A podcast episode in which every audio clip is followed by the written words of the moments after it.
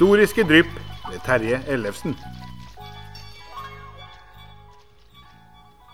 Hei, alle sammen. I dag skal Terje fortelle om den kjente forfatteren Ludvig Holberg og hans syltynne tilknytning til Lillesand. Den geografiske landeveisvandrer.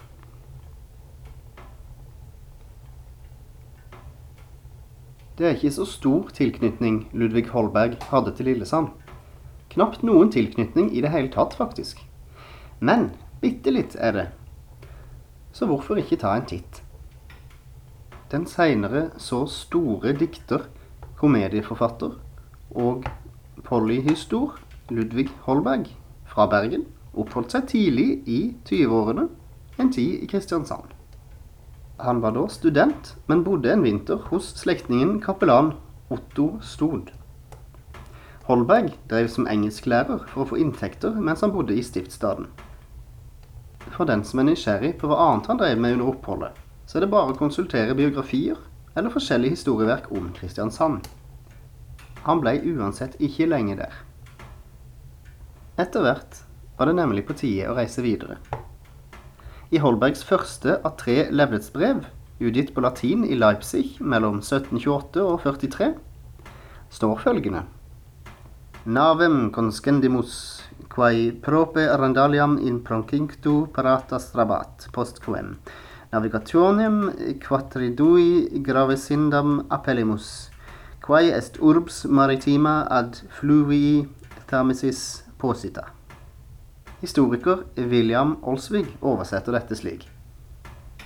Vi gikk om bord på et skip som lå seilklart nær Arendal og nådde efter fire dagers seilas Gravesend, som er en sjøby beliggende ved munningen av floden Thames. Det kan virke underlig at de måtte helt til Arendal fra Kristiansand for å finne skipsleilighet. Men vi bør huske på at Arendal i mye av seilskuddetida hadde en atskillig mer aktiv skipsbygging og skipsfart enn Kristiansand hadde. Holbergs reisekamerat var en medstudent som het Brix. Det var disse to som hadde vandret fra Kristiansand til Arendal. Disse opplysningene utbroderer historikeren Ludvig Daa. De droge først et stykke østover i stiftet. Have moské til fots gjennomvandret en del av Nednes amt, og da de ved Arendalskanten traff et seilferdig skip, gikk de om bord på dette, og nådde etter fire dagers seilas lykkelig til Gravesend. Dette foregikk i begynnelsen av våren, sannsynligvis i de første dager av april 1706. Holberg gikk da i sitt 22. år. Dette var faktisk det siste Holberg så av Norge. Fra Gravesend dro de til Oxford, hvor han studerte i over to år og tilbrakte mangfoldige timer ved det legendariske Bodleian Library. Igjen så anbefales det å konsultere biografier for å lære mer om hva han drev med. Men studenten ble heller ikke i Oxford mange åra. Han ble etter hvert en svært bereist mann i sin samtids Europa. En grand turist til fots på dannelsesreiser til forskjellige land. Resten av livet tilbrakte han enten i Danmark eller utenfor tvillingrigene. Holberg og Brix har tatt det som den gang ble kalt Postveien eller Kongeveien. Den gikk oppover i landet fra Kristiansand gjennom Tveit til Birkenes, og så til Tveide og nedover til Møglestu. Derfra fortsatte den forbi Bjørkestøl og mot Kalvell, for så å sette kursen mot Landvik kirke.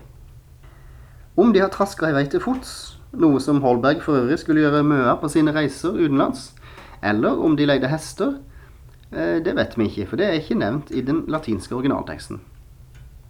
Veien var den gangen ikke av høy nok standard til å kjøre med vogn. Det var rundt 100 år seinere at det ble mulig.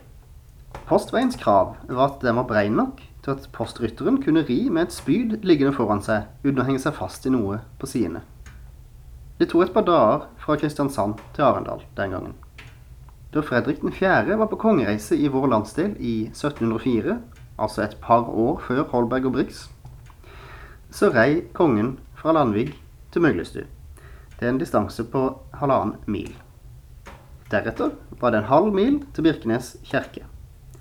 Så reiste de med vogn halvannen mil til Tovdalsfjorden, og så seilte han halvannen mil med jakt til Kristiansand. Ulrik C. Gyldenløves dagbok forteller om denne ferden. Ved hver kyststasjon så var det gjestgiveri hvor man kunne overnatte. Det kongelige følget i 1704 overnatta f.eks. på Møglestuen. Hvor Brix og Holberg overnatta, det vet vi ingenting om. Men har de fulgt veien, så må de som nevnt ha passert Vestermoland kirke og Møglestu. Men det stopper ikke der med Ludvig Holberg. Mest kjent er nok denne mannen for sitt omfattende forfatterskap, både skjønnlitterært og som fagforfatter. Igjen har vi en forbindelse mellom denne kjente bergenseren og den lille småbyen Lillesand i Nednes amt. I København utga nemlig den danske presten Nicolai Junge i 1779 den danske oversettelsen av sjette del av et omfattende latinsk verk skrevet av Holberg. På tittelbladet så kaller han det Baron Ludvig Holbergs geografi eller jordbeskrivelse, forfattet efter det av ham selv utgivne lidet latinske geografiske kompendium, men nu vidløftigere utført, forøget med de beste, nyeste og tilforladeligste geografiske efterretninger, samt siret med behørige landkortet og utgivet av Nikolai Junge. Dette sjette bindet kalte han koreografisk beskrivelse over kongerigerne Norge og Sverige, samt begges underliggende øer og provinser. Og det er nemlig her Lillesand dukker opp. Han følger kystens tolldistrikter, og vi kan jo sitere ham her. Udi Arendals tolldistrikt ligger følgende havne- og ladeplasser, nemlig Lillesand. Et velbeboet og folkerikt ladested, beliggende imellom Arendal og Kristiansand, hvor en kongelig tollbetjent alltid bor, for de skipets skyld som sammesteds ligger at losse og lade. Noen kommentarer bør tilføyes dette sitatet. Plasseringen er grei nok, ingen innvendinger der. Men det er mindre sikkert at det var en særlig stor befolkning i Lillesand i 1779. Den var ikke utpreget stor da den første nominelle folketellinga ble utført i 1801. Det er også interessant å se at småbyen omtales som ladested.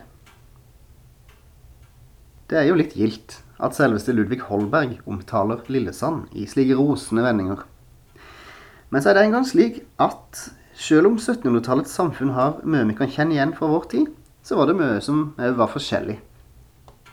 Og én viktig forskjell, det er hvordan man skrev, og ikke minst siterte tekster. For det viser seg at Nicolai Junges omfattende geografi i flere bind slett ikke er en oversettelse av en latinsk tekst skrevet av Holberg.